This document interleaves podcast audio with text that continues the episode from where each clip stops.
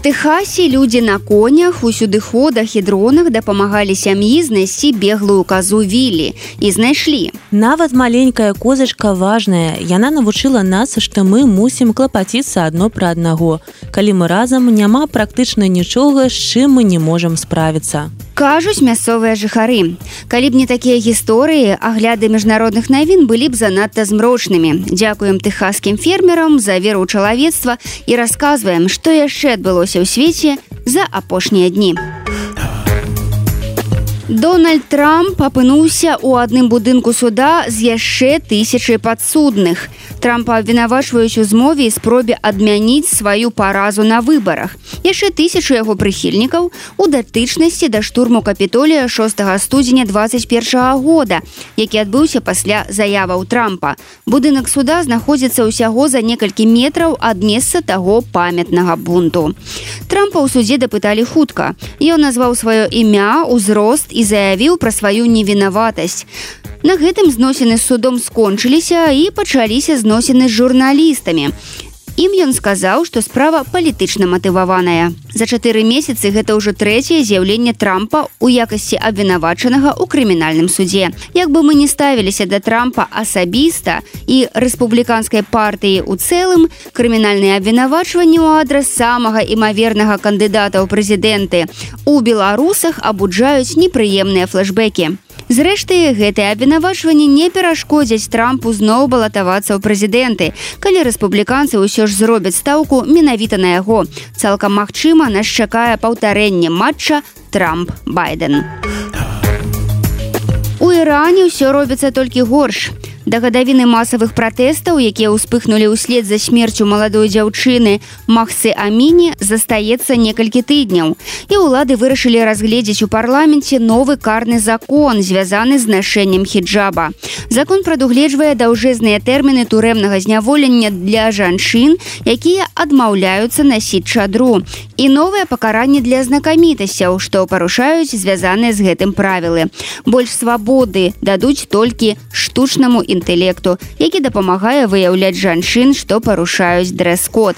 Закон яшчэ не прыняты. Эксперты лічаць, што гэта папярэджанне іранцам ад урада, маўляў, пратэсты, якія скаланулі краіну год таму, так і не пераканалі ўладу пайсці на перамовы. А зусім нядаўна паліцыя нораваў Ірана, якая пасля пратэстаў нібыта адступіла, аднавіла патруляванне вуліц. Зрынуты вайсковай хунтай прэзідэнт Махамед Базум заклікае ЗША і іншыя краіны тэрмінова навесці парадак у Нігеры. Інакш увесь рэгіён цэнтральнага сахеля можа апынуцца пад уплывам рассіі і прыватнай вайсковай кампаніі Вагнер. У сваім закліку апублікаваным у газеце Вашингтон пост Базум называе сябе закладнікамі піша, што вайсковая хунта Нігера збіраецца ўзяць прыклад суседніх малі і буркіна фасо. Пасля мяцяжоў у гэтых краінах да ўлады ўлады прыйшлі адэпты рассіі якія запрасілі да сябе ўкраіны добра вядомых беларусам вагнераўцаў зрынуты 26 ліпеня прэзідэнт заяўляе што насуперак сцверджаннем вайскоўцаў путчыстаў дзякуючы дапамозе ЗША і францыі жыццё ў нігеры у апошнія два гады стала значна бяспечнейшым. Вылазкі ісламіцкіх груповак на поўдні захадзе і поўначы краіны амаль спыніліся. Махамед базум першы прэзідэнт нігера які мірна і на дэмакратычных выбарах змяніў папярэдняга лідара краіны ў 21 годзе. На мінулым тыдні альянс краін заходняй Афрыкі прыгразіў поўнай блакадай Нігера, калі хунта не верне на пасаду зрынутага прэзідэнта. Сенегал заявіў, што гатовы паслаць у Нігер свае войскі, таму што яшчэ адзін вайсковы пераварот у рэгіёне гэта ўжо занадта.